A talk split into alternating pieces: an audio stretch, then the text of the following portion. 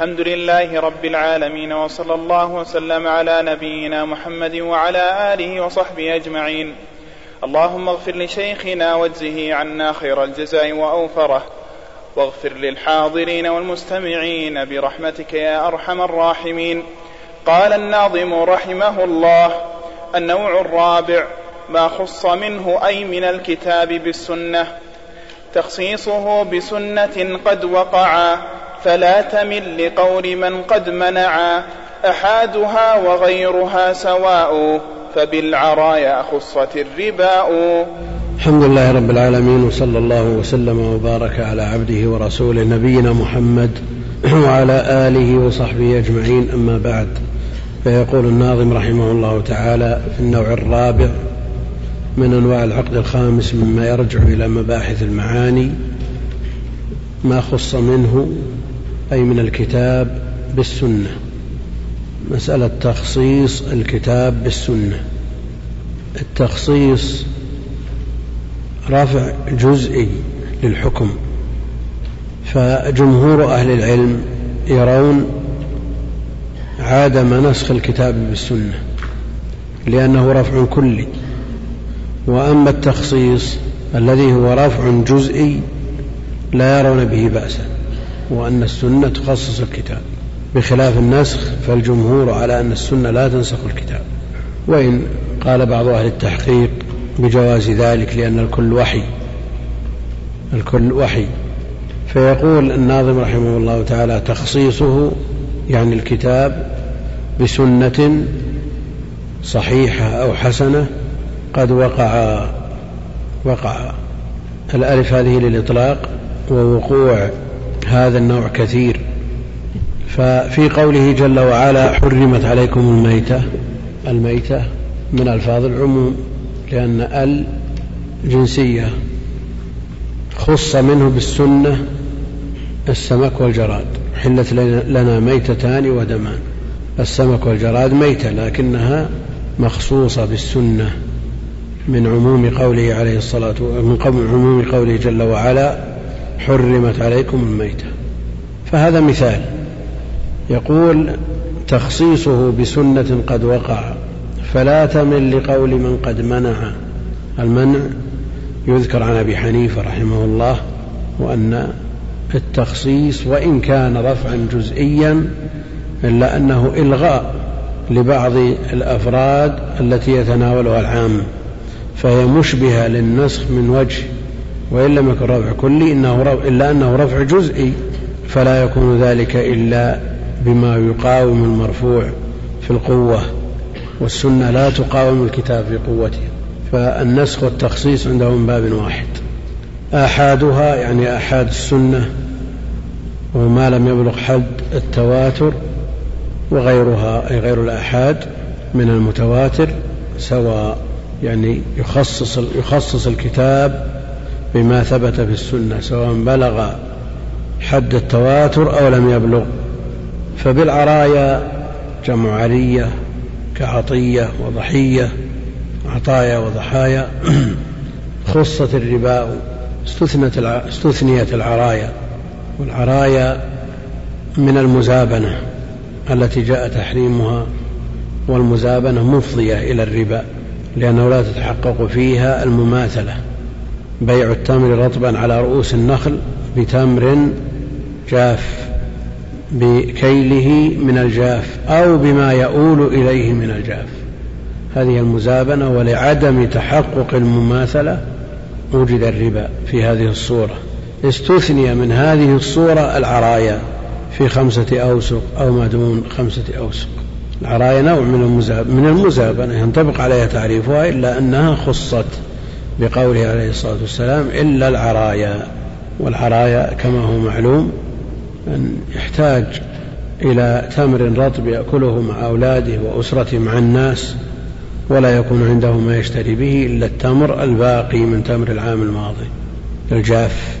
فلو باعه ما حصلت له القيمة التي يريد ويشتري بها ما يكفيه ويكفي أولاده فيقال له رفقا به لك أن تشتري به رطبا. وهذا مخصوص من المزابنة.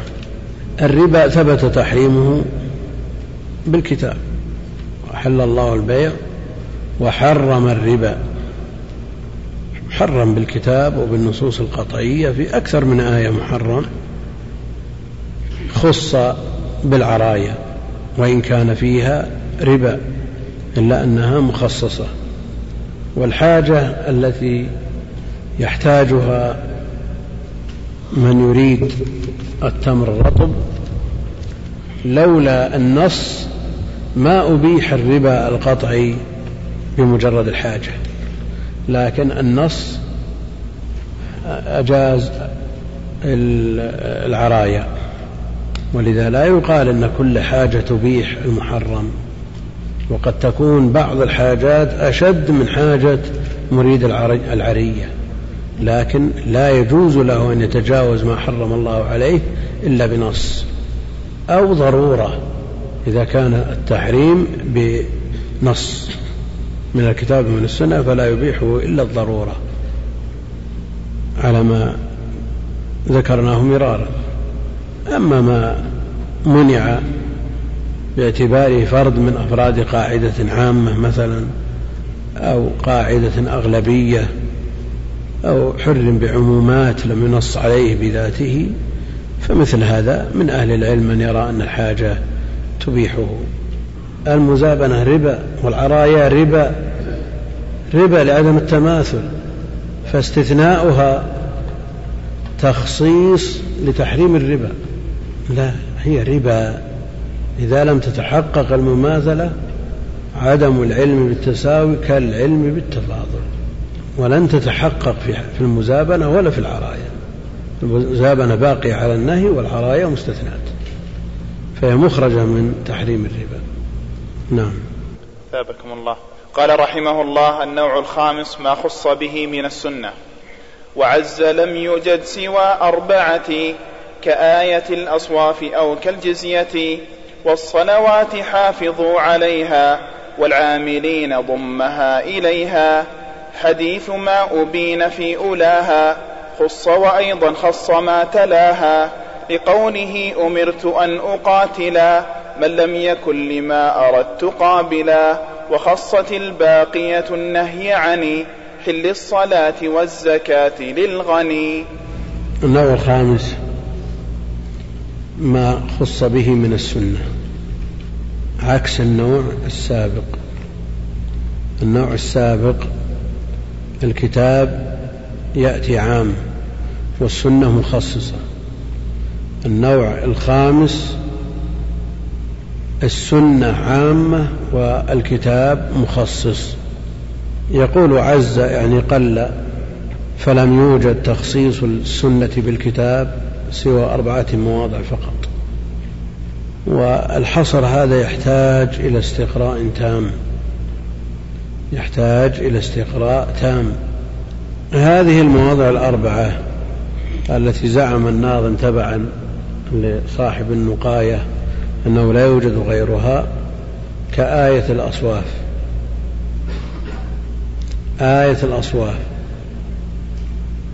ومن أصوافها وأوبارها وأشعارها أثاثا. تدل على طهارة هذه الأصواف وطهارة هذه الأوبار والأشعار. إذ لو لم تكن طاهرة لما امتن الله جل وعلا بها. وهذه الآية مخصصة لعموم حديث ما أبين من حي فهو كميتته. ما أبين من حي فهو كميتته. والحديث عند الترمذي وأحمد والحاكم من طرق كلها ضعيفة. حسنه بعضهم كالترمذي بمجموع طرقه وله طرق متباينة تدل على أن له أصل ليس بضعيف ضعف شديد. فمنهم من حسنه ومنهم من قال الصواب إرساله كالدار قطني. المقصود أن هذا الحديث عام مخصص بالآية ومن أصوافها وأوبارها وأشعارها. ومعلوم أن الأصواف تجز والبهيمة حية وكذلك الأوبار والأشعار. غالبا كما أنها إذا ذبحت آه، يجز شعرها أو يبقى على الجلد. المقصود أنه طاهر بالآية سواء أخذ منها في حال الحياة أو بعد مفارقتها للحياة بذبح أو موت. وهذا على أن الصوف حكمه حكم المتصل. حكمه حكم المتصل. أما إذا قلنا أن الصوف والظفر أحكامه أحكام المنفصل فلا إشكال ولا نحتاج إلى مثل هذا لأنها ما أبينت هي في الأصل حكمها حكم المبان المنفصل.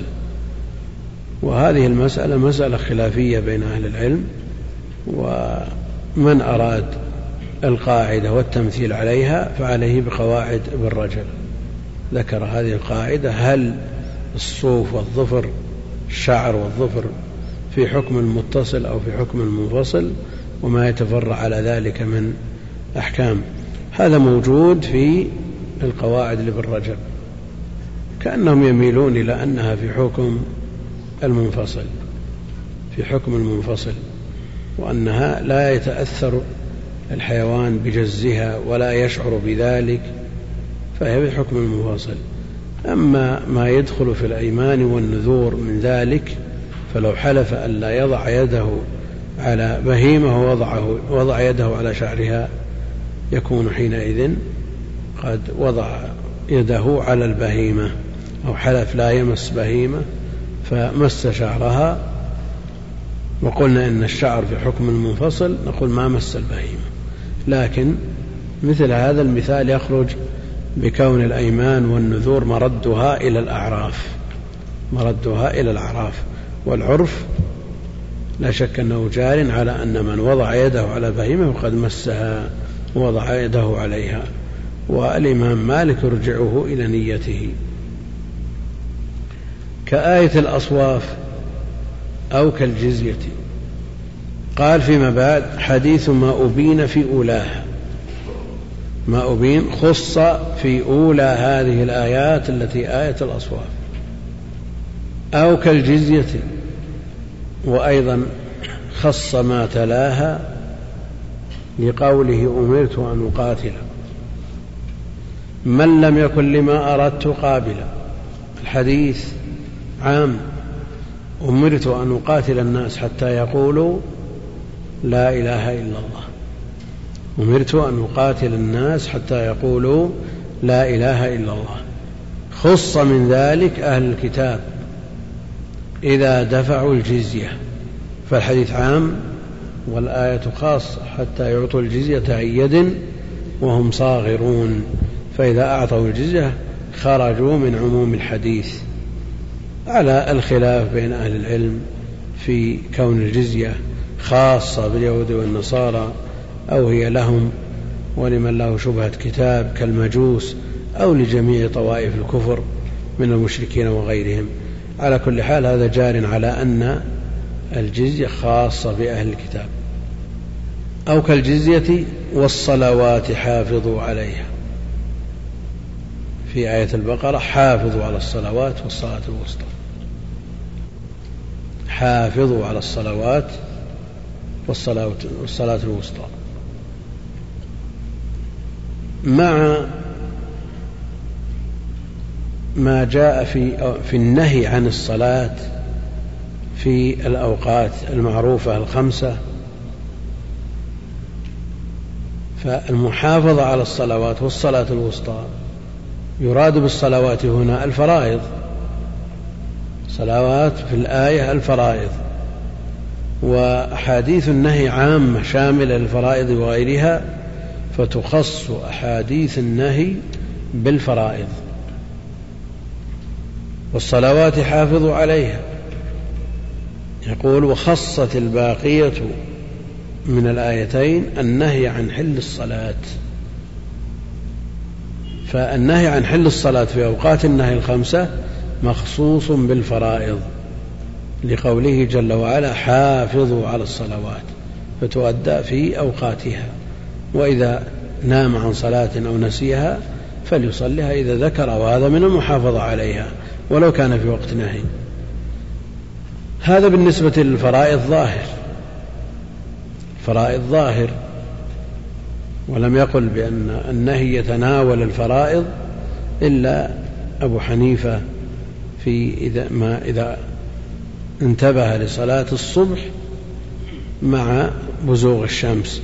يقول يؤخرها حتى ترتفع الشمس وينتهي وقت النهي. هذا مذهبه لأن النبي عليه الصلاة والسلام لما ناموا عن صلاة الصبح أمرهم بالانتقال من المكان من الوادي الذي ناموا فيه. يقول الحنفية من أجل أن يرتفع وقت النهي. ترتفع الشمس ويزول وقت النهي. والصواب أن الشمس قد ارتفعت قبل أن يستيقظوا وزال وقت النهي قبل استيقاظهم لأنهم لم يوقظهم إلا حر الشمس. والشمس لا يصير لها حر إلا إذا ارتفعت كما هو معلوم. المقصود أن أن الفرائض مستثنات من النهي عن الصلاة في الأوقات. أما ما عدا الفرائض ما عدا الفرائض فالنهي يتناوله على خلاف بين أهل العلم في ذوات الأسباب. هل تفعل في أوقات النهي أو لا تفعل؟ الذي يهمنا من من الأمثلة تخصيص حديث النهي بقوله جل وعلا حافظوا على الصلوات والصلاة الوسطى لأن هذا من باحث الكتاب. من باب الاستطراد أن نعرض لغير هذه الآية. فجاء في الباب أحاديث النهي. النهي عن صلاة عن عن الصلاة بعد الصبح حتى تطلع الشمس. والنهي عن الصلاة بعد العصر بعد صلاة العصر حتى تغرب الشمس. وحديث عقبة بن عامر ثلاث ساعات. كان رسول الله صلى الله عليه وسلم ينهانا أن نصلي فيهن وأن نقبر فيهن موتانا. مع إذا دخل أحدكم المسجد فلا يجلس حتى يصلي ركعتين ومع الوضوء الصلاة بعد الوضوء في حديث بلال وأدلة أخرى كلها. يا بني عبد مناف لا تمنعوا أحدا طاف وصلى بهذا البيت أية ساعة شاء من ليل ونهار. المقصود أن هناك صلوات لها أسباب. تتعارض أحاديثها مع أحاديث النهي.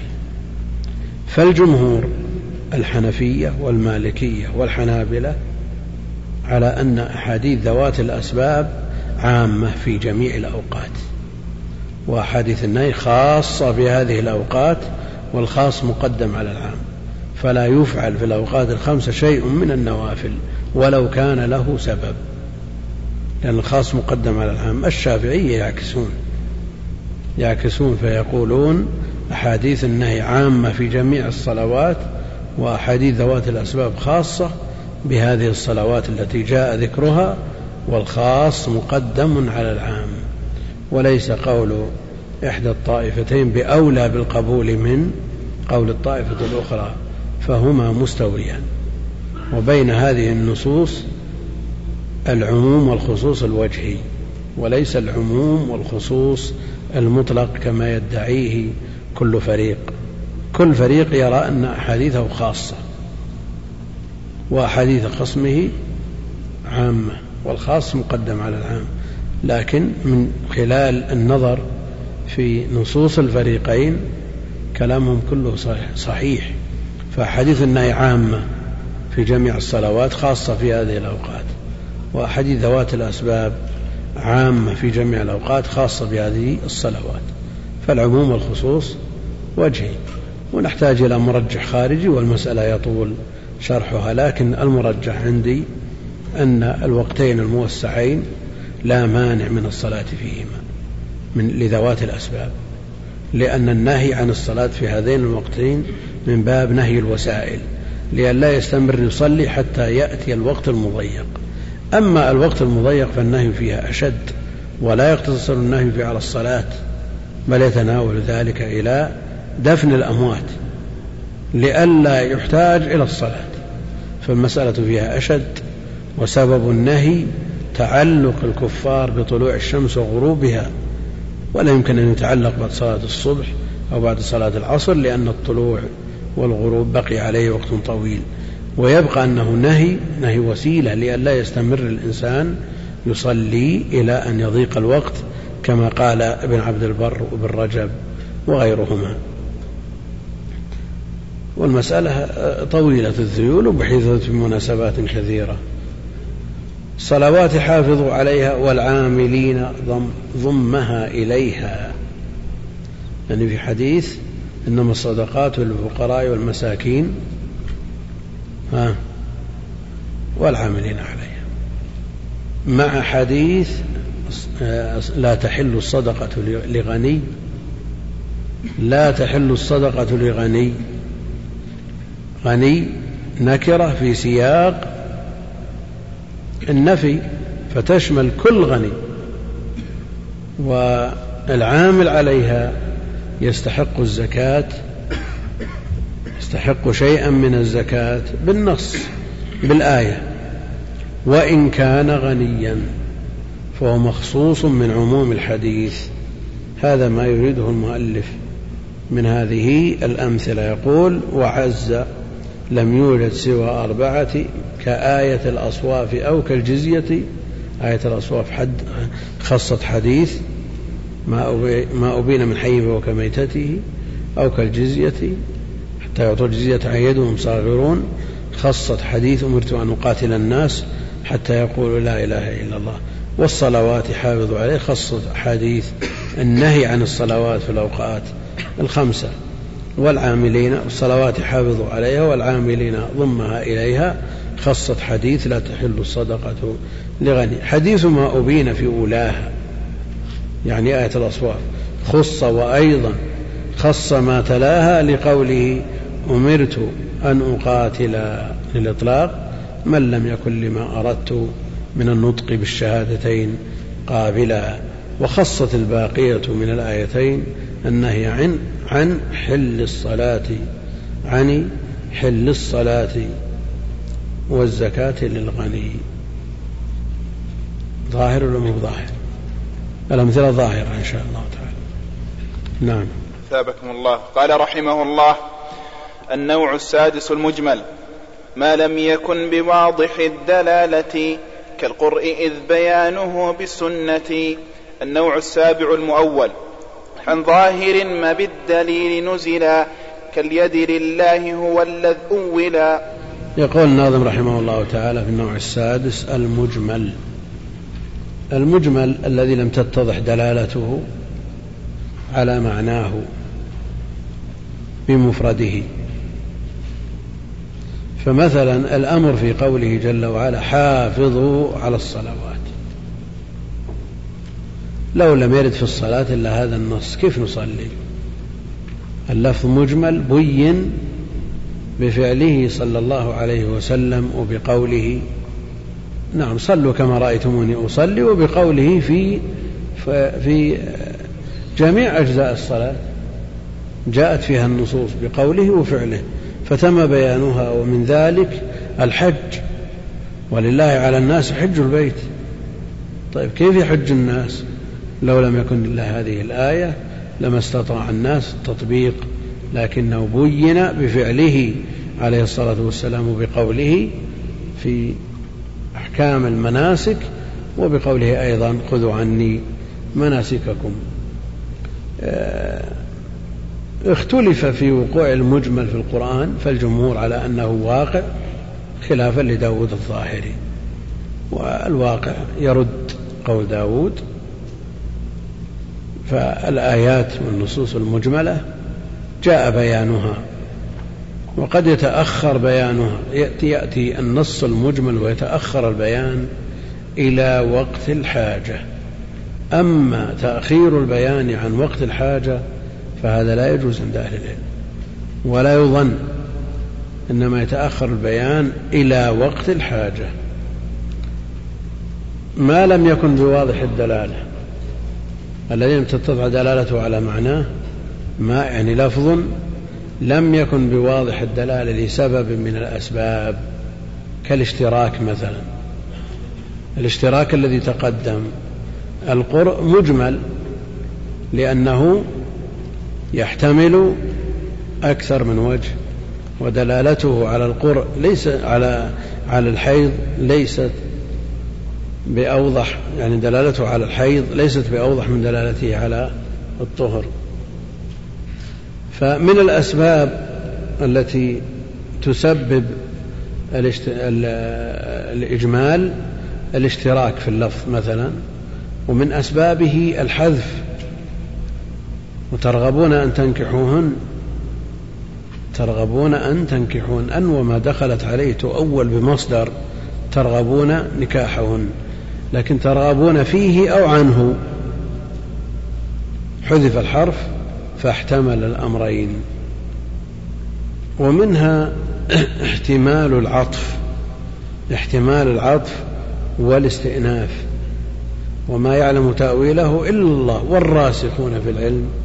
يقولون آمنا به فالواو هذه محتملة لأن تكون عاطفة ما يعلم تأويله إلا الله والراسخون وحينئذ يكون الراسخون عالمين بتأويل المتشابه. وإذا قلنا إنها استئنافية والوقف على لفظ الجلالة قلنا أن علم المتشابه خاص بالله تعالى ولا يعلمه أحد. وأما وظيفة الراسخين هي قول آمنا به كل من عند ربنا. فهذا محتمل للعطف والاستئناف فوقع بسببه الإجمال. ما لم يكن بواضح الدلالة كالقرء لفظ مشترك بين الحيض والطهر بين الحيض والطهر. أحمد وأبو حنيفة يقولون المراد به الحيض. الحنابلة والحنفية يقولون المراد الحيض. والمالكية والشافعية يقولون المراد الطهر. دليل الحنابلة والحنفية. في الحديث الصحيح دعي الصلاة أيام أقرائك. يعني أيام طهرك دعي الصلاة ولا أيام حيضك؟ أيام حيضك. وهذا من أصرح الأدلة. دليل المالكية والشافعية على أن المراد بالحيض أو الحيض الطهر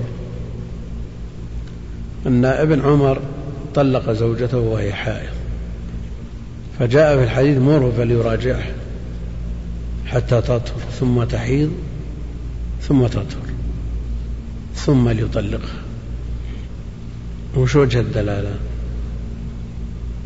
فتلك العدة التي أمر الله أن تطلق لها النساء. وجه الدلالة؟ طلقوهن لعدتهن. طلقوهن لعدتهن. وش وجه الدلالة؟ ما زالت الدلالة فيها غموض. نعم؟ أنها طاهرة. نعم؟ يعني عدتها قبل الطلاق ولا بعد؟ تلك العدة طلقوهن لعدتهن. نعم. مستقبلا يعني لا نفهم مثل ما فهم بعض من علق على بعض الكتب وقال النص يعني حديث ابن عمر لما كانت العدة قبل الطلاق. ابتداء العدة يبدأ من الطهر. طيب وش أثرها على القروء؟ لعدتهن يعني طاهرات. لعدتهن. والعدة ثلاثة قروء. العدة ثلاثة قروء ثلاثة قروء ولعدتهن يعني طاهرات. فعدتهن هي الأطهار لكن هل هذا من الوضوح والبيان؟ مثل وضوح آه، دع الصلاة أيام أقرائك. لا ليس مثله. ولتعذر الجمع بين حديث ابن عمر وحديث دع الصلاة قال بعضهم إذا جمع على أقرأ فهو الحياض وإذا جمع على قروء فهي الأطهار. نعم؟ قروء إذن الأطهار. ودعي الصلاة أيام أقرائك الحيض الحيض نعم. لكن هل لتأثير الجمع أو لاختلاف الجمع تأثير على الحكم؟ نعم قد يكون تأثيره من حيث القلة والكثرة لأن هناك جموع قلة وجموع كثرة. لكن القرء هو القرء.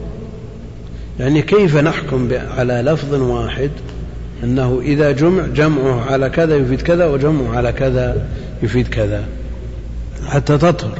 هي حائض الآن. ثم تحيض ثم تطهر. لا. لا ما في تحيض. لأنه لو بيخلي تحيض كان الطلاق الأول صحيح. في خفاء يعني فيه خفاء. الاستدلال فيه خفاء. لا هو أحدهما. هو لفظ مشترك بينهما. ما في إشكال. لا هو ضعف بالنسبة لحديث ابن عمر يعني أضعف منه ولا كلاهما صحيح. لا كلاهما ما في إشكال إن شاء الله. نعم. أنها طلقت في الحيض. نعم طلاق ليس عليه الأمر. ليس عليه أمر فهو رد يعني مردود الطلاق في الحيض. يعني ليس عليه الأمر الشرعي وحينئذ يكون مردودا. من الذي يوقع الطلاق في الحيض وهم جماهير أهل العلم نعم يقول عاصي هو الطلاق واقع. نعم بدليل ما جاء عن ابن عمر أنها حسبت عليه. يطلقها في طهر لم يجامعها فيه. حتى في اللغة في اللغة ما يدل على إطلاقه على الطهر وعلى الحيض. في أحدهما أرجح. اللي يقول لك الشافعي والمالكي لا؟ هو على الطهر في الطهر أظهر وبه أرجح. هذا إجمال القرء إجمال سببه الاشتراك ويبين في النصوص وكل على مذهبه. منهم من قال بينه حديث ابن عمر فالمراد به الطهر ومنهم من قال بينه حديث دع الصلاة. إذ بيانه بالسنة والسنة مبينة للقرآن. وظيفة النبي عليه الصلاة والسلام لتبين للناس ما ما إيش؟ نعم ما نزل إليهم تبين القرآن. فالسنة مبينة للقرآن وشارحة له ومفسرة له. النوع السابع المؤول. المؤول. عندنا نص وظاهر ومؤول. نص وظاهر ومؤول. النص الذي لا يحتمل. فالنص الذي لا يحتمل يسميه أهل العلم نص لظهوره أخذا أخذا من منصة العروس لظهورها. والذي يحتمل أمرين. أحدهما أرجح من الآخر فالراجح هو الظاهر والمرجوح هو المؤول. والمرجوح هو المؤول. والأصل العمل بالراجح إلا إذا وجد ما يمنع من العمل به. إذا وجد ما يمنع من العمل بالظاهر يرجع إلى المؤول. عن ظاهر جار مجرور متعلق بنزل. عن ظاهر ما يعني لفظ بالدليل القطعي نزل إطلاق أي ترك. عن ظاهر ما بالدليل نزل يعني ترك. يترك الظاهر المنصوص عليه بالدليل القطعي والنزول والتنازل هو الترك. تقول نزلت عن حقي إذا تركته. تقول نزلت عن حقي إذا تركته. نزلت عن ديني على فلان إذا تركته وأعفيته منه. فأنت تترك الظاهر إلى المؤول تترك الاحتمال الراجح إلى الاحتمال المرجوح لوجود قرينة تمنع من إرادة الاحتمال الراجح. وهم على مذهبهم في نفي الصفات انهم جروا على مذهب الأشعرية. ناظم ينظم النقاية والنقاية للسيوطي وهو أشعري. كاليد لله هو الذي أولا. اليد الواردة في نصوص الكتاب والسنة الظاهر منها أنها اليد الحقيقية وتأويل اليد بالنعمة أو بالقدرة هذا غير الظاهر. لكن هم يقولون منع من إرادة الظاهر خشية التشبيه. فهم من باب تنزيههم لله جل وعلا ينفون عنه الظاهر ويثبتون المؤول. ينفون الراجح ويثبتون المرجوح تمسكا بالتنزيه. لكن هم قبل أن عطلوا وقبل أن أولوا مروا بمرحلة قبل هذه وهي إيش؟ التشبيه. شبهوا أولا ثم عطلوا لما تبادرت أذهانهم إلى التشبيه عطلوها بعدها. وإلا لو قالوا سمعنا وأطعنا. الله جل وعلا يثبت لنفسه يد يثبت لنفسه سمع وبصر فنثبته على ما يليق بجلاله وعظمته. لا نحتاج إلى أكثر من هذا. والمعاني معروفة والكيفيات مجهولة. كما جاء عن أم سلمة وعن مالك الاستواء معلوم والكيف مجهول؟ والسؤال عنه بدعة. فالذي منعهم من إرادة من من حمل اللفظ على ظاهره توهم التشبيه. فمنعهم من إرادة الظاهر ولا تشبيه. فلكل ما يليق به. فإذا أثبتنا لله جل وعلا وجه فإننا نثبته على ما يليق بجلاله وعظمته.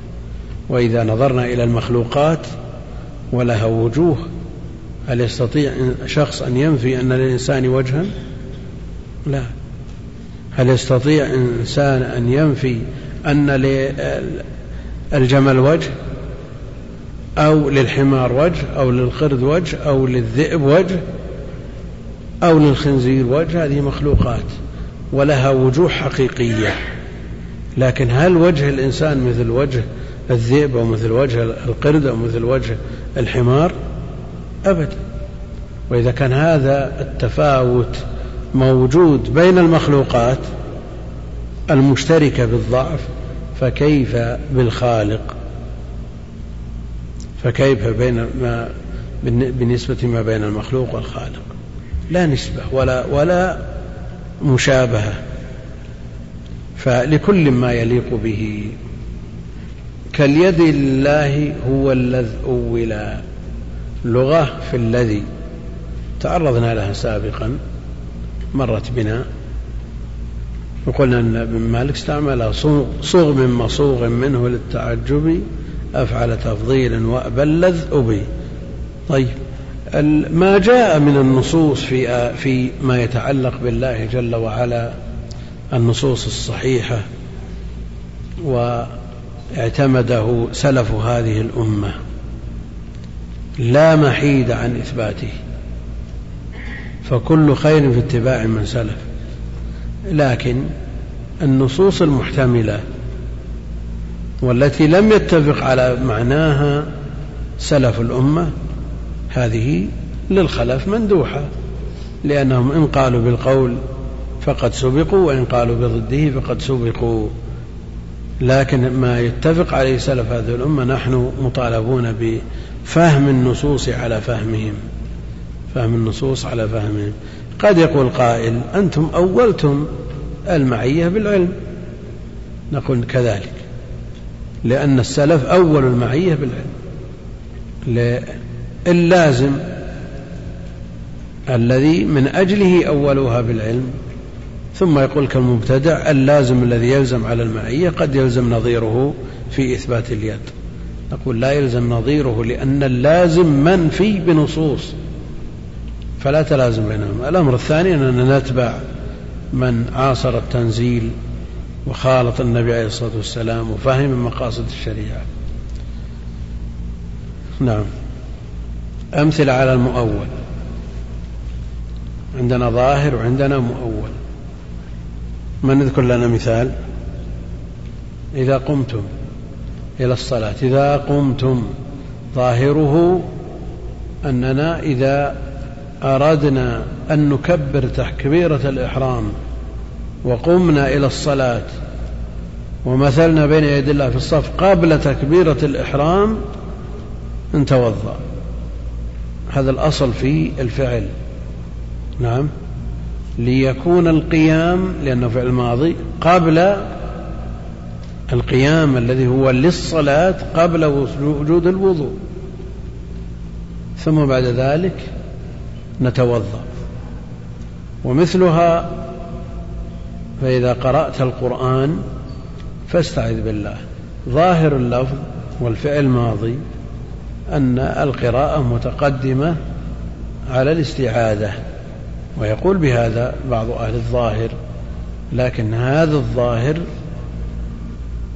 دلت الأدلة على أنه غير مراد فالماضي يطلق ويراد به حقيقته الفعل في الزمان الماضي ويطلق وهذا هو الغالب ويطلق ويراد به الشروع يعني يطلق ويراد به الفراغ من الفعل. جاء زيد انتهى جاء انتهى. يطلق ويراد به الشروع ويطلق ويراد به الإرادة. إذا قرأت القرآن إذا كبر فكبروا يعني إذا فرغ من التكبير. إذا ركع فاركعوا يعني إذا شرع في الركوع فاركعوا. هو اللفظ حقيقة. اللفظ حقيقة لكنها حقيقة شرعية. حقيقة شرعية. حقيقة شرعية من غير التزام باللازم والمسألة خلافية بين سلف هذه الأمة وكثير منهم أولها بالعلم. الذي فيه اختلاف بين سلف هذه الأمة للمخالف مندوحة. الإشكال فيما يتفقون عليه. الذي يتفقون مثل مثلا الاستهزاء المكر الخديعة نسوا الله فنسيهم الهرولة كلها مختلف فيها بينهم. الساق فالذي فيه خلاف بينهم يكون فيه ساعة. أما الذي يتفقون عليه ما فيه إشكال. لا يجوز بحال أن أن يخالف. نعم. ثابكم الله. قال رحمه الله النوع الثامن المفهوم. موافق منطوقه كأف ومنه ذو تخالف في الوصف ومثل ذا شرط وغاية عدد ونبأ الفاسق للوصف ورد والشرط إن كن أولات حمل وغاية جاءت بنفي حل لزوجها قبل نكاح غيره وكالثمانين لعد غير وكالثمانين لعد أجره. يقول المؤلف رحمه الله تعالى في النوع الثامن المفهوم. المفهوم يقابله المنطوق والمنطوق لم يذكره الناظم نظرا لأنه هو الأصل وهو دلالة اللفظ في محل نطقه. وأما المفهوم فدلالة اللفظ لا في محل نطقه فيحتاج إلى ذكره لأنه خلاف الأصل. الأصل دلالة الحروف على معانيها. يقول الناظم رحمه الله تعالى موافق منطوقه. موافق بالتنوين منطوقه أي ما يوافق حكمه حكم المنطوق ما يوافق حكمه حكم المنطوق. يعني عندنا منطوق وعندنا له مفهوم موافقة وعندنا له مفهوم مخالفة. مفهوم موافقة إذا كان حكم المفهوم موافق لحكم المنطوق ومفهوم المخالفة إذا كان حكم المفهوم مخالف لحكم المنطوق. فمثلا المثال الذي ذكره موافق منطوقه هذا مفهوم الموافقة كأف. يعني لو وجد شيء أقل من التأفيف أقل أدنى من التأفيف لقلنا التأفيف حرام فما دونه مفهومه أنه حلال. ما دونه. لو تصور أن هناك شيء أقل من التأفيف مع أنه لا يتصور. لأنه لا يسمع من التأفيف إلا حرف الفاء مع الهمزة والهمزة قد لكن الذي يسمع في الغالب الفاء. والذي دونه لا يسمع منه شيء. لا يسمع منه شيء. الذي لا يسمع منه شيء هذا حديث نفس. ما في شيء معفو عنه. فليس له مفهوم مخالفة له مفهوم موافقة الذي أعلى منه. كالكلام الذي هو أشد من التأفيف فضلا عن الفعل الضرب والقتل وما أشبه ذلك. فهذا له مفهوم موافقة وليس له مفهوم آه، مخالفة. موافق منطوقه يعني في الحكم كأف. ومنه أي المفهوم ذو تخالف يعني مخالف لحكم المنطوق مخالف له. في أمور في الوصف والشرط والغاية والعدد. فهناك مفهوم المخالفة ويكون تكون هذه المخالفة في الشرط ويسمى مفهوم الشرط ومفهوم الوصف ومفهوم الغاية ومفهوم العدد. ومنه ذو تخالف في الوصف ومنه ذا مف... ذا شرط يعني مفهوم الشرط وغاية يعني مفهوم الغاية وعدد مفهوم العدد. الأمثلة على ذلك مفهوم الوصف. مفهوم الوصف نبأ الفاسق للوصف ورد. إن جاءكم فاسق بنبأ فتبينوا. هذا وصف الوصف بالفسق له مفهوم. مفهومه أنه إذا كان عدل فإننا لا نحتاج إلى التبين ولا التثبت. إذا كان عدلا ليس بفاسق. اشهدوا ذوي عدل منكم ممن ترضون من الشهداء. المقصود أنه إذا انتفى الوصف الذي هو الفسق انتفى حكمه. المقصود أنه إذا انتفى الوصف الذي هو الفسق انتفى حكمه من باب الاستدلال بالمفهوم. ومثل ذا شرط وغاية عدد ونبأ الفاسق للوصف ورد يعني ورد مثالا للوصف. ومفهوم والشرط يعني مفهوم الشرط الذي تقدم ذكره إن كن أولات حمل فاتفقوا آه، على أن ذات الحمل ينفق عليها. هذا شرط. إن كن أولات حمل فأنفقوا عليهن. فإن كن ذات حمل هذا شرط.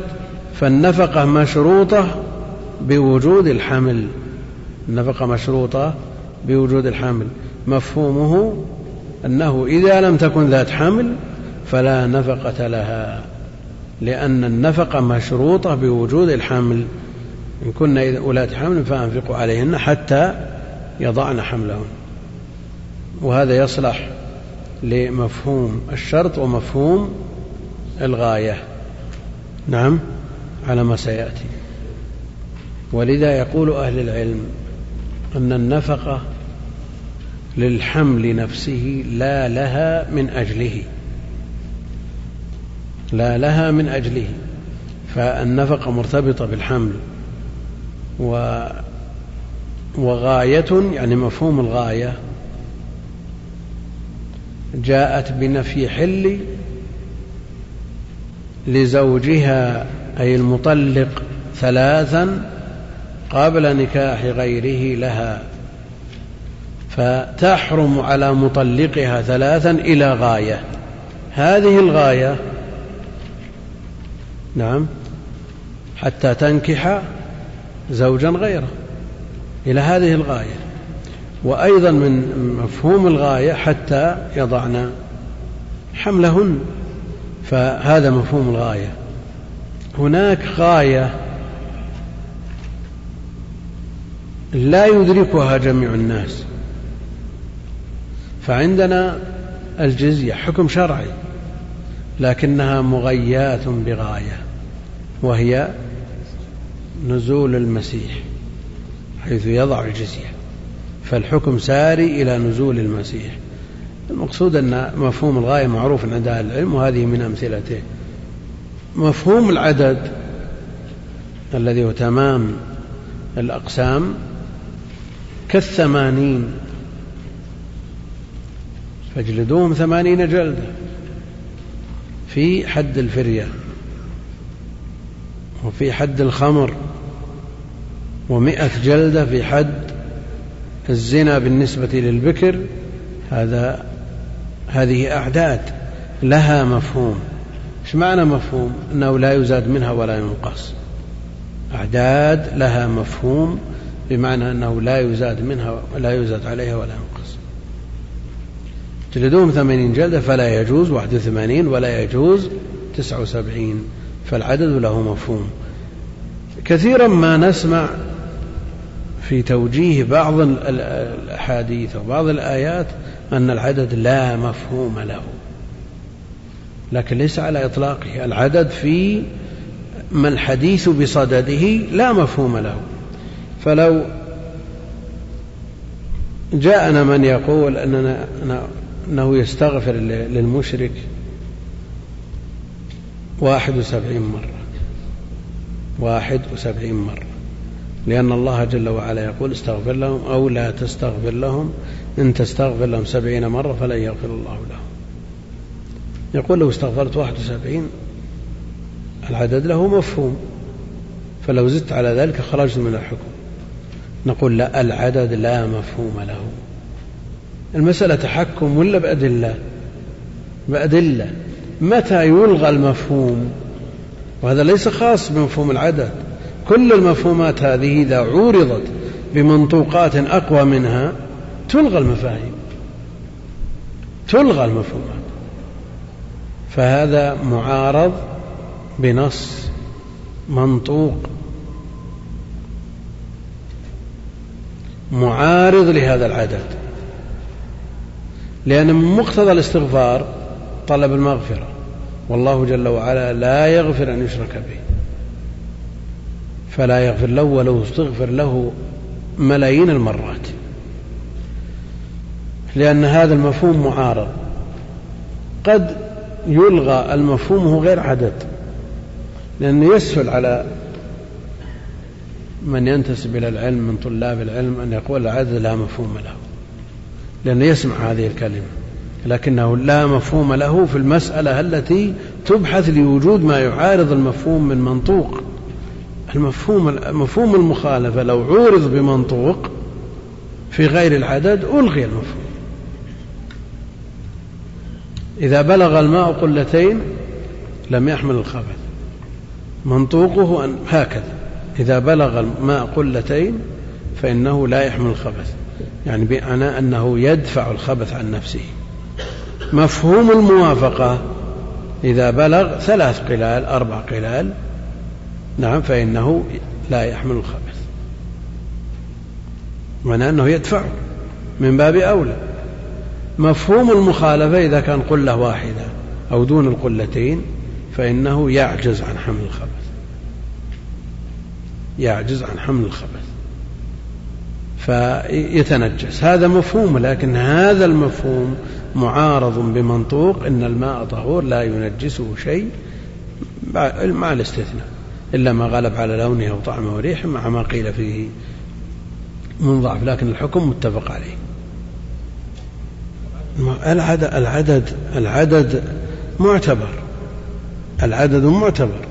فمثلا ما جاء في الأعداد في الحدود يمكن أن يزاد فيها وينقص لا يمكن أن يزاد لكن إذا عورض هذا العدد مفهومه بمنطوق أقوى منه عرف أنه لا مفهوم له. أو وجد من أجل التوفيق بين النصوص قلنا العدد لا مفهوم له.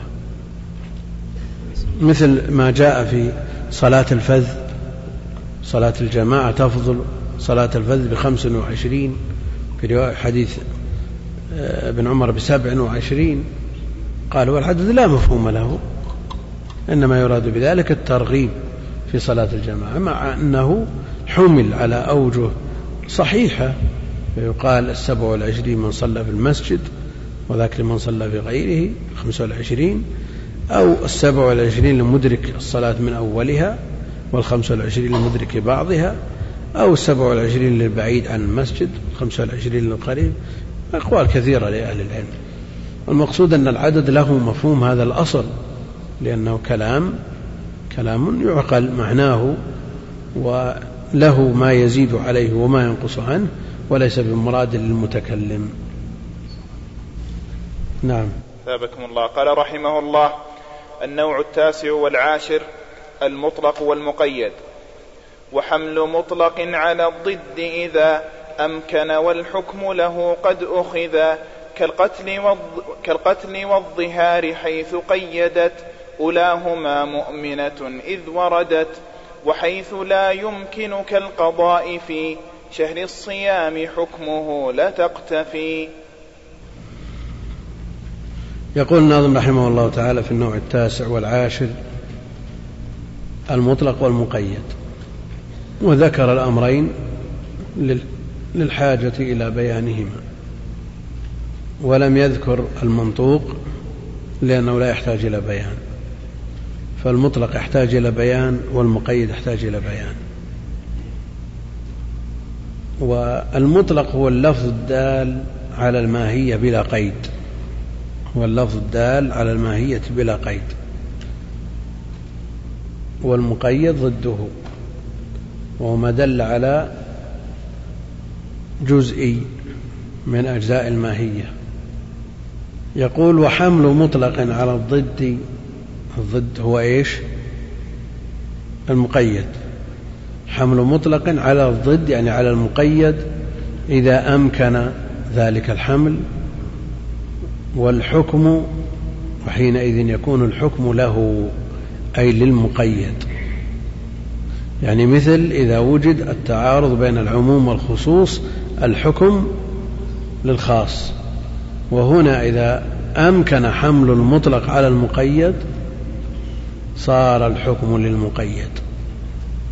قد أخذ الألف هذه للإطلاق قد أخذ مبني للمجهول فلا يبقى المطلق على إطلاقه بل يبقى الحكم للمقيد.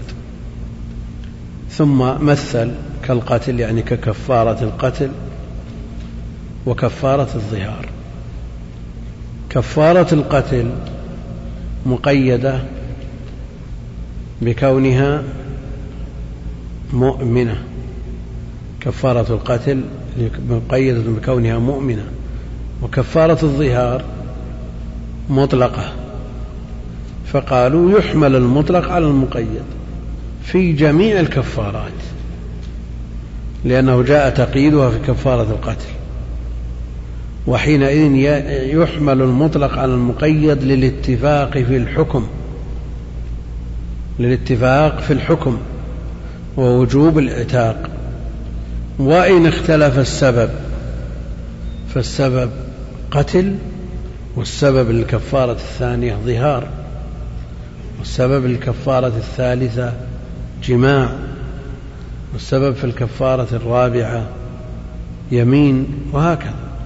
الأسباب مختلفة والحكم واحد.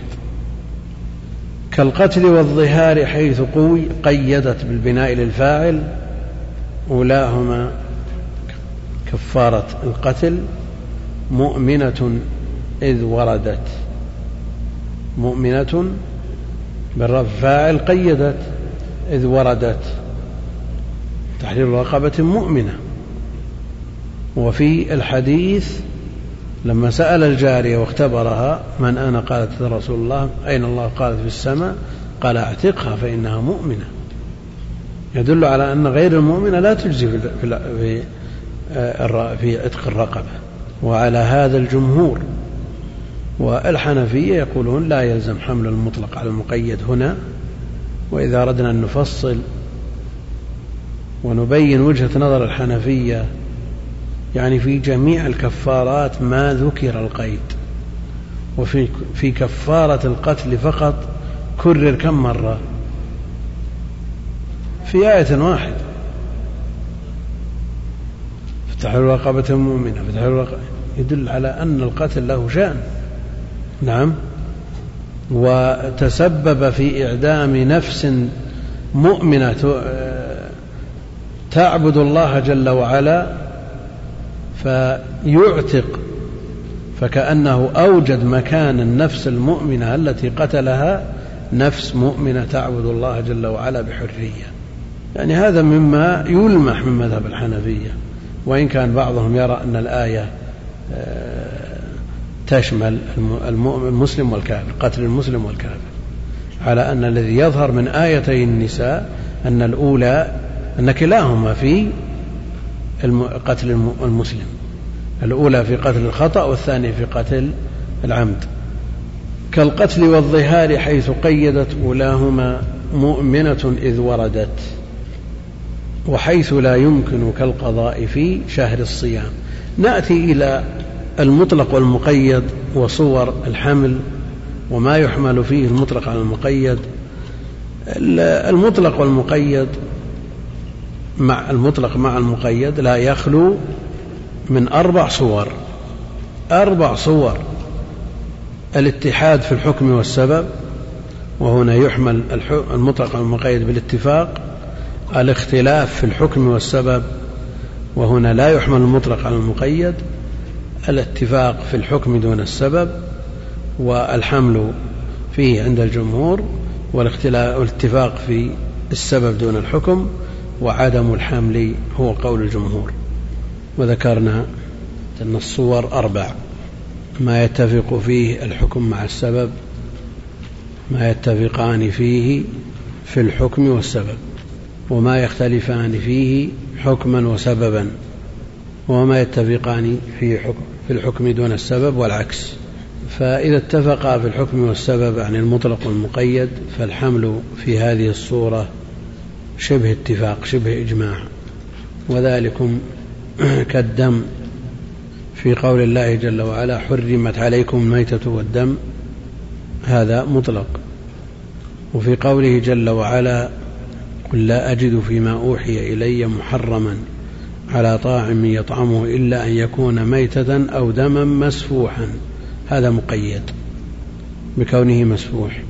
فيحمل المطلق على المقيد.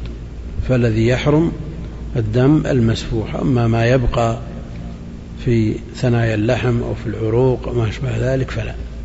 هذا ما يتفقان فيه في الحكم والسبب وأما ما يختلفان فيه في الحكم والسبب فلا حمل للمطلق على المقيد اتفاقا. فاليد في آية الوضوء مقيدة. وأيديكم إلى المرافق. وفي آية السرقة مطلقة. فاقطعوا أيديهما. مطلقة. والحكم مختلف. هذا قطع وهذا غسل. والسبب مختلف. هذا حدث وهذا سرقة. فلا يحمل المطلق على المقيد فيقال تقطع اليد من المرفق.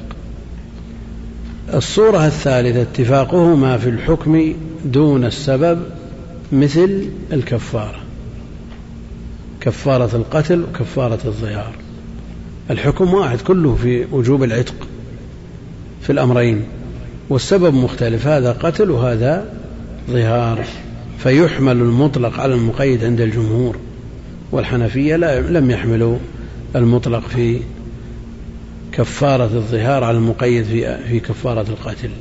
العكس إذا اتفق في السبب دون الحكم لا يحمل المطلق على المقيد عند الجمهور وذلكم كاليد في آية الوضوء مقيدة بالمرافق وفي آية التيمم مطلقة. السبب واحد حدث لكن الحكم مختلف. هذا غسل وهذا مسح. ولذا الأكثر على أنه لا يحمل المطلق على المقيد. بعد هذا يقول الناظم رحمه الله وحيث لا يمكن يعني حمل المطلق على المقيد كالقضاء في شهر الصيام.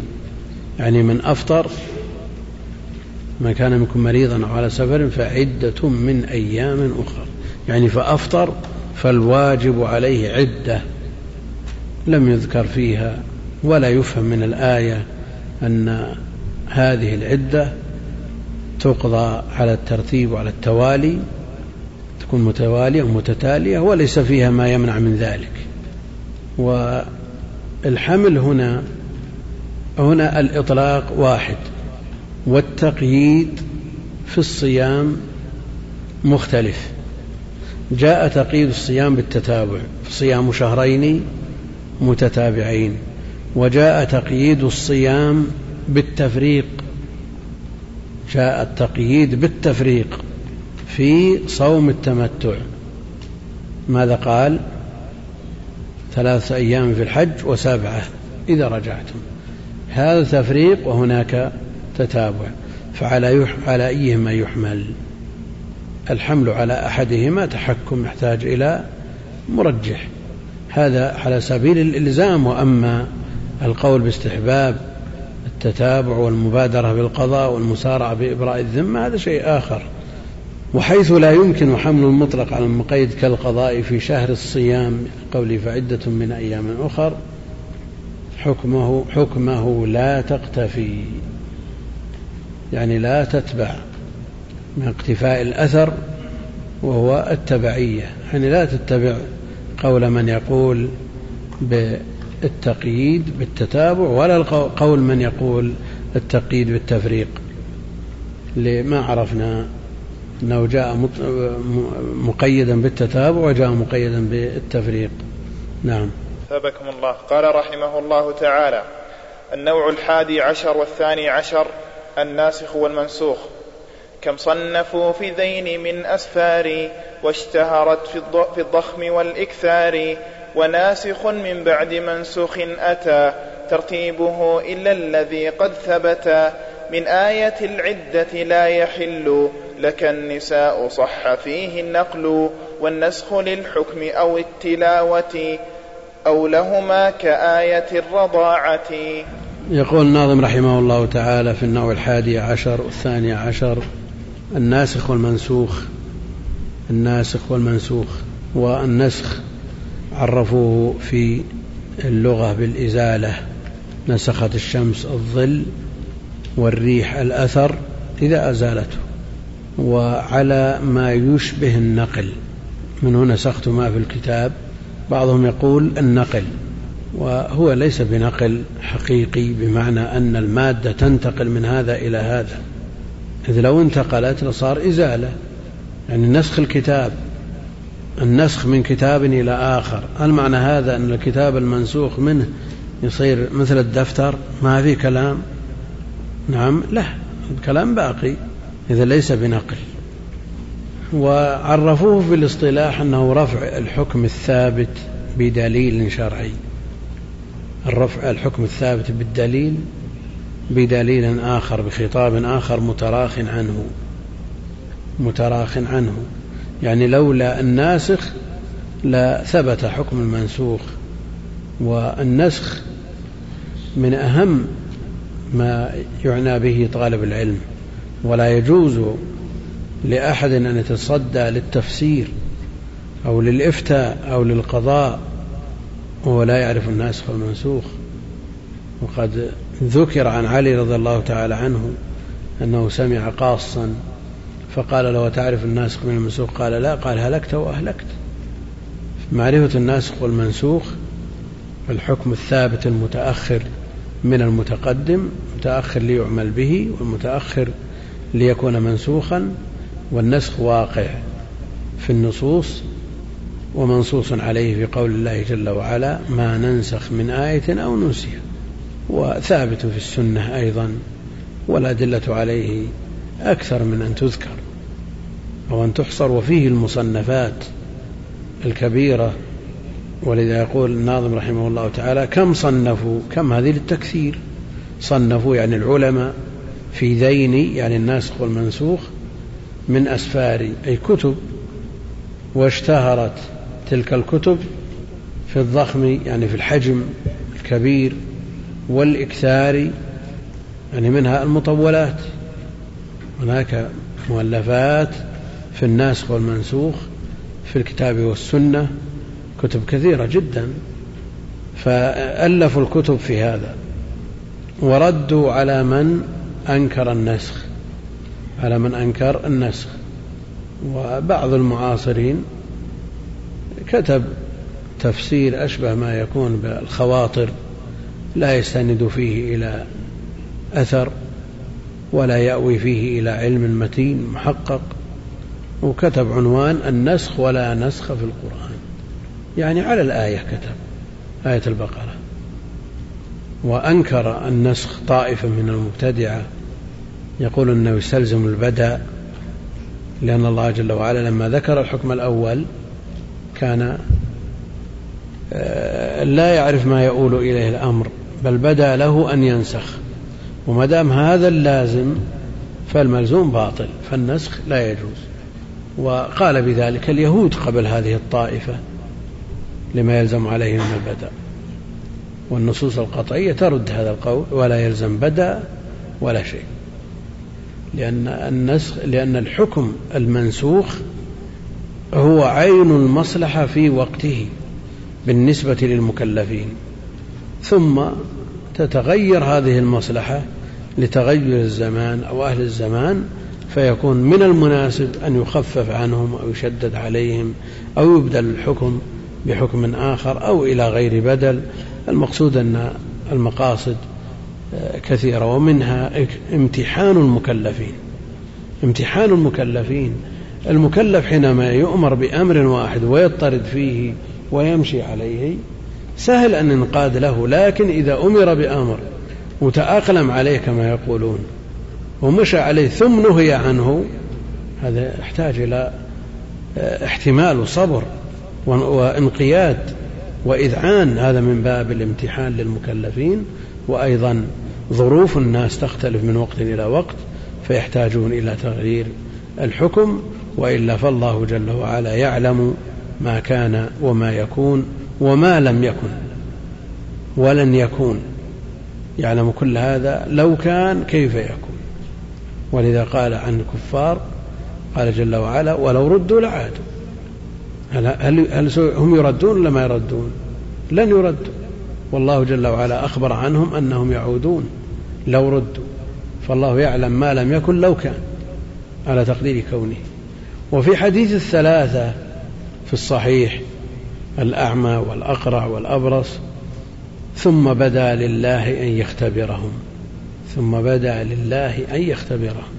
تفسرها الرواية الأخرى ثم أراد الله جل وعلا أن يختبرهم فهذه تفسر تلك فالخير ما يفسر به النص النص الصحيح الثابت. وناسخ من الآيات من أفضل الكتب في الناسخ والمنسوخ بالنسبة للقرآن النحاس وبالنسبة للسنة الحازمي لأن هذا يسأل عن أفضل الكتب في الناسخ والمنسوخ. وناسخ من بعد منسوخ أتى. الناسخ يأتي بعد المنسوخ. ولا بد من حيث الوقت الزمان لا بد من هذا. لأن الناسخ هو المتأخر والمنسوخ هو المتقدم. ويأتي أيضا ترتيبه كذلك في المصحف. الواقع هكذا وناسخ من بعد منسوخ أتى ترتيبه في القرآن إلا الذي قد ثبت. الألف هذه الإطلاق إلا الذي قد ثبت من آية العدة لا يحل لك النساء عندنا والذين يتوفون منكم ويذرون أزواجا وصية لأزواجهم متاعا إلى الحول غير إخراج. الحول منسوخ. تربصن بأنفسهن أربعة أشهر وعشرا الناس المنسوخ الحول والناسخ أربعة أشهر أيها المتقدمة؟ المتقدمة أربعة أشهر وعشرة. فالناسخ الناسخ هو المتقدم. يعني في ترتيب المصحف. وإلا في النزول المنسوخ هو المتقدم والناسخ هو المتأخر. يقول ذكر مثال من آية العدة لا يحل لك النساء لك النساء صح فيه النقل. لا يحل لك النساء يعني في آية الأحزاب رقم اثنين وخمسين نسختها الآية التي قبلها الآية رقم خمسين. إنا أحللنا لك. نعم. نعم. هذه ناسخة لها وهي متقدمة عليها في الترتيب. فالآية خمسين ناسخة للآية رقم اثنين وخمسين. تفسير ابن كثير رحمه الله آه، ذكر هذا أنها نسخت الآية. إن أحللنا لك أزواجك في السورة نفسها. في السورة نفسها ومتقدمة عليها وهي التي أشار إليها المؤلف. وصح فيها النقل. من آية العدة لا يحل لك النساء صح فيه النقل. والنسخ للحكم أو التلاوة أو لهما كآية الرضاعة. نسخ للحكم دون التلاوة. نسخ للحكم دون التلاوة.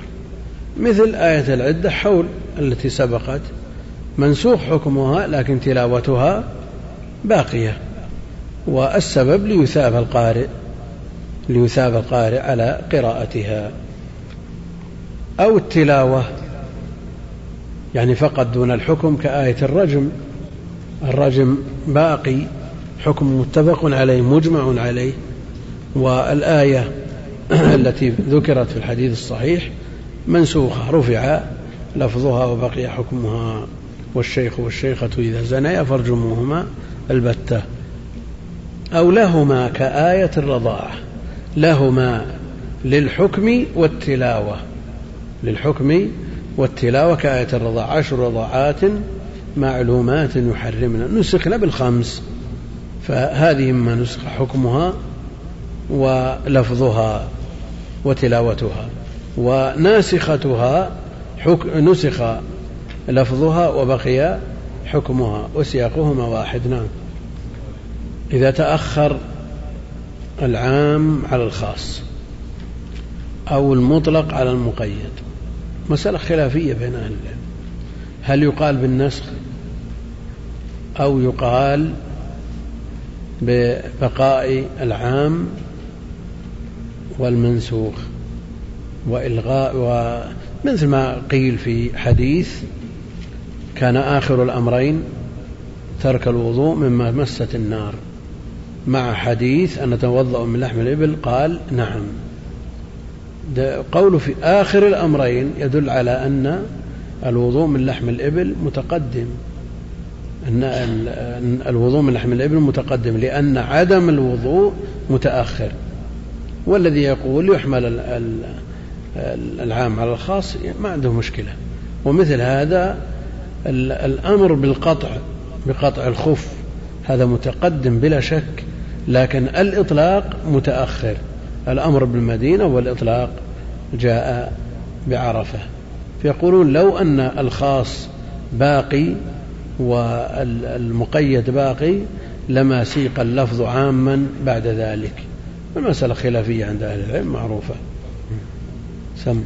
قال رحمه الله النوع الثالث عشر والرابع عشر المعمول به مدة معينة وما عمل, وما عمل به واحد. كآية النجوى التي لم يعمل منهم بها مذ نزلت إلا علي وساعة قد بقيت تماما وقيل لا بل عشرة أياما. يقول الناظم رحمه الله تعالى في النوع الثالث عشر والنوع الرابع عشر المعمول به مدة معينة مدة محددة وما عمل به واحد وما عمل به واحد والمثال واحد. للنوعين المثال واحد. يقول كآية النجوى هذا المثال. وذلك كآية النجوى. يا أيها الذين آمنوا إذا ناجيتم الرسول فقدموا بين يدي نجواكم صدقة. التي لم يعمل منهم بها من الصحابة بهذه الآية مذ نزلت إلا علي بن أبي طالب. قدم صدق بدينار ثم ناجى النبي عليه الصلاة والسلام. وما عمل بها أحد منهم حتى نسخت. لكن كم بقيت هذه الآية إلى أن نسخت؟ خلاف.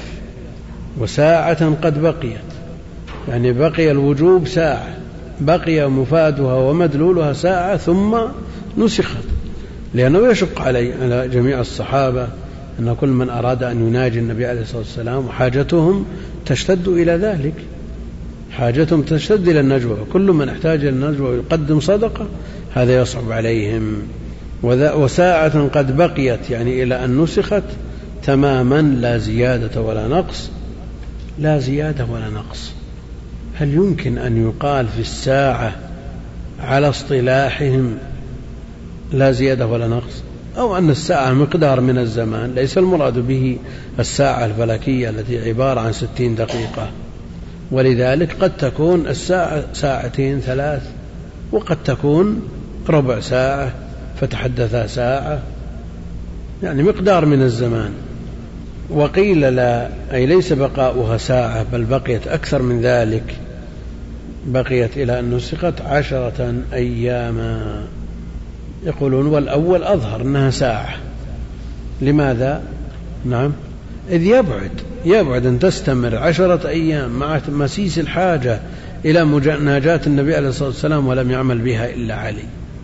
فإما أن نقول قد عمل بها غير علي أو نقول أنها لم تبقى إلا مدة يسيرة آه، لا يشق عليهم انتظارها لم يشق عليهم انتظارها أو مرت من غير احتياج إلى مناجاته صلى الله عليه وسلم.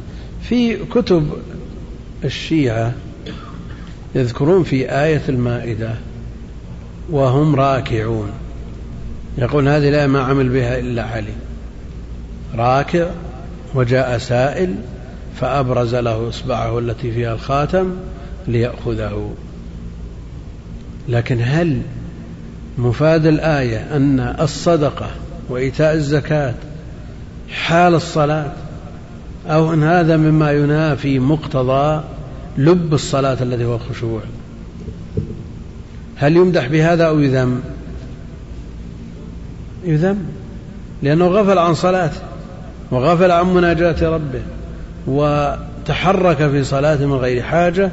كل هذا ما يذم ويصان علي رضي الله تعالى عنه ذلك مع أن ظاهر اللفظ لا يدل عليه. في المسألة حديث أبي هريرة إذا سجد أحدكم فلا يبرك كما يبرك البعير وليضع يديه قبل ركبتيه. وفيها أيضا حديث وائل كان النبي عليه الصلاة والسلام إذا سجد وضع يديه قبل ركبتيه. الحديث الأول أرجح ونص على هذا ابن حجر في البلوغ وغيره. فإذا كان أرجح لأن له شاهد من فعل ابن عمر أو من حديث ابن عمر. إذا كان أرجح فما المانع من العمل به؟ وليضع يديه قبل ركبتيه. المانع تأثر كثير من طلاب العلم بقول ابن القيم أن الحديث مقلوب. كيف مقلوب ابن القيم؟ قال إذا نزل على يديه قبل ركبتيه أشبه البعير. نقول يا يا رحمك الله ما معنى بروك البعير؟ متى يقال برك البعير؟ اللغة يقولون برك البعير وحصحص البعير. إذا نزل على الأرض بقوة فأثار الغبار وفرق الحصى. فمن نزل بيديه بقوة وأثار الغبار وخلخل البلاط قلنا برك مثل ما يبرك البعير. وإذا نزل على ركبتيه بقوة وفعل مثل ما صنع قلنا برك مثل ما يبرك الحمار. وكل هذا ممنوع. فالممنوع أن ينزل على الأرض بقوة. وجاء البروك على على الركبتين أيضا. عمر رضي الله عنه في الحديث الصحيح في البخاري فبرك على ركبتيه. إذا البروك مو خاص باليدين أو بالركبتين. فإذا فهمنا معنى البروك زال عنا الإشكال. لا نبرك مثل ما يبرك البعير ننزل بقوة ولنمتثل الأمر وليضع يديه قبل ركبتيه. إذا وضعهما مجرد وضع ما يقال برك مثل ما نقول وضع يديه قبل ركبتيه امتثل الأمر. وفرق بين أن ترمي المصحف على الأرض هذا حرام عظيمة من من عظائم الأمور. وبين أن تضع على الأرض ما فيه أدنى إشكال. يجوز. فرق بين هذا وهذا. فإذا نزلت المسألة مسألة قيام بين يدي الله جل وعلا عليك بالرفق والطمأنينة تؤدي صلاة أنت ماثل بين يدي خالقك. فإذا نزلت برفق ولين فسواء نزلت على يديك أو رجحت الركبتين المقصود أنك لا تنزل بقوة. ولذا شيخ الإسلام يرى التخيير بينهما. وكثير من الناس ابن القيم رحمه الله لما هجم عليه هذا الفهم أجلب عليه. صار يؤثر على كل من قرأ كلامه. لكن لا بد من تحرير المسائل. لا بد من النظر إلى المسائل بدقة. اللهم صل على محمد نعم سم. الحمد لله رب العالمين وصلى الله وسلم على نبينا محمد وعلى آله وصحبه أجمعين. اللهم اغفر لشيخنا وانفعه بكل حرف علمه وأحسن خاتمته وإيانا والحاضرين والسامعين يا أرحم الراحمين. قال الناظم رحمه الله العقد السادس ما يرجع إلى المعاني المتعلقة بالألفاظ وهي ستة الأول والثاني الفصل والوصل. الفصل والوصل وفي المعاني بحثهما ومنه يطلبان. مثال أول إذا خلوا إلى آخرها وذاك حيث فصلا. ما بعدها عنها وتلك الله إذ فصلت عنها كما تراه. وإن الأبرار لفي نعيم في الوصل والفجار في جحيم الحمد لله رب العالمين وصلى الله وسلم وبارك على عبده ورسوله نبينا محمد وعلى آله وصحبه أجمعين. أما بعد فيقول الناظم رحمه الله تعالى في العقد السادس وهو ما يرجع إلى المعاني المتعلقة بالألفاظ والذي قبله متعلقة بالأحكام. وهذا متعلق بالألفاظ. يقول وهي ستة الأول والثاني الفصل والوصل. الفصل والوصل. وهما من مباحث علم المعاني قسيم البيان والبديع. قسيم البيان والبديع ومن الثلاثة يتألف علم البلاغة. ومن علم البلاغة بأقسامه الثلاثة إضافة إلى النحو والصرف والاشتقاق والوضع وفقه اللغة ومتن اللغة تتكون علوم اللغة علوم اللغة. وكل علوم اللغة العشرة طالب العلم بأمس الحاجة إليها. فليهتم بهذا. فالفصل والوصل الوصل عطف جملة على أخرى. للربط بينهما ووصل إحداهما بالأخرى بحرف العطف. وأما بالنسبة للفصل فهو ترك ما ذكر من العطف. الوصل الربط بين الجملتين بالعاطف. وأما الفصل فهو ترك هذا الوصل. الفصل والفصل وفي المعاني وفي يعني فن المعاني من فنون علم البلاغة بحثهما. مبتدا مؤخر وفي المعاني آه، خبر مقدم. بحثهما يعني يوجد في علم المعاني. من أراد استيفاء هذا الموضوع فليرجع إلى علم المعاني ومنه أي فن المعاني يطلبان إذ محل بحثهما هناك واستيفاء ما يتعلق بهما هناك. أما هنا مجرد مثال. يذكر للفصل والوصل مثال أول الذي هو الفصل. الأول الفصل. مثاله في قول الله جل وعلا إذا خلوا إلى شياطينهم مثال أول إذا خلوا إلى آخرها. إلى آخر الآية وذاك حيث فصل الألف هذه الإطلاق في قول الله جل وعلا وإذا خلوا إلى شياطينهم قالوا إنا معكم إنما نحن مستهزئون. الله يستهزئ بهم. الله يستهزئ بهم. هذه الجملة مفصولة لأنها لم تعطف بالواو. لماذا فصلت هذه الجملة عن التي قبلها؟ لئلا يظن أنها من قول المنافقين. لأنهم قالوا إذا خلوا إلى شياطينهم قالوا إنا معكم إنما نحن مستهزئون. الله يستهزئ بهم.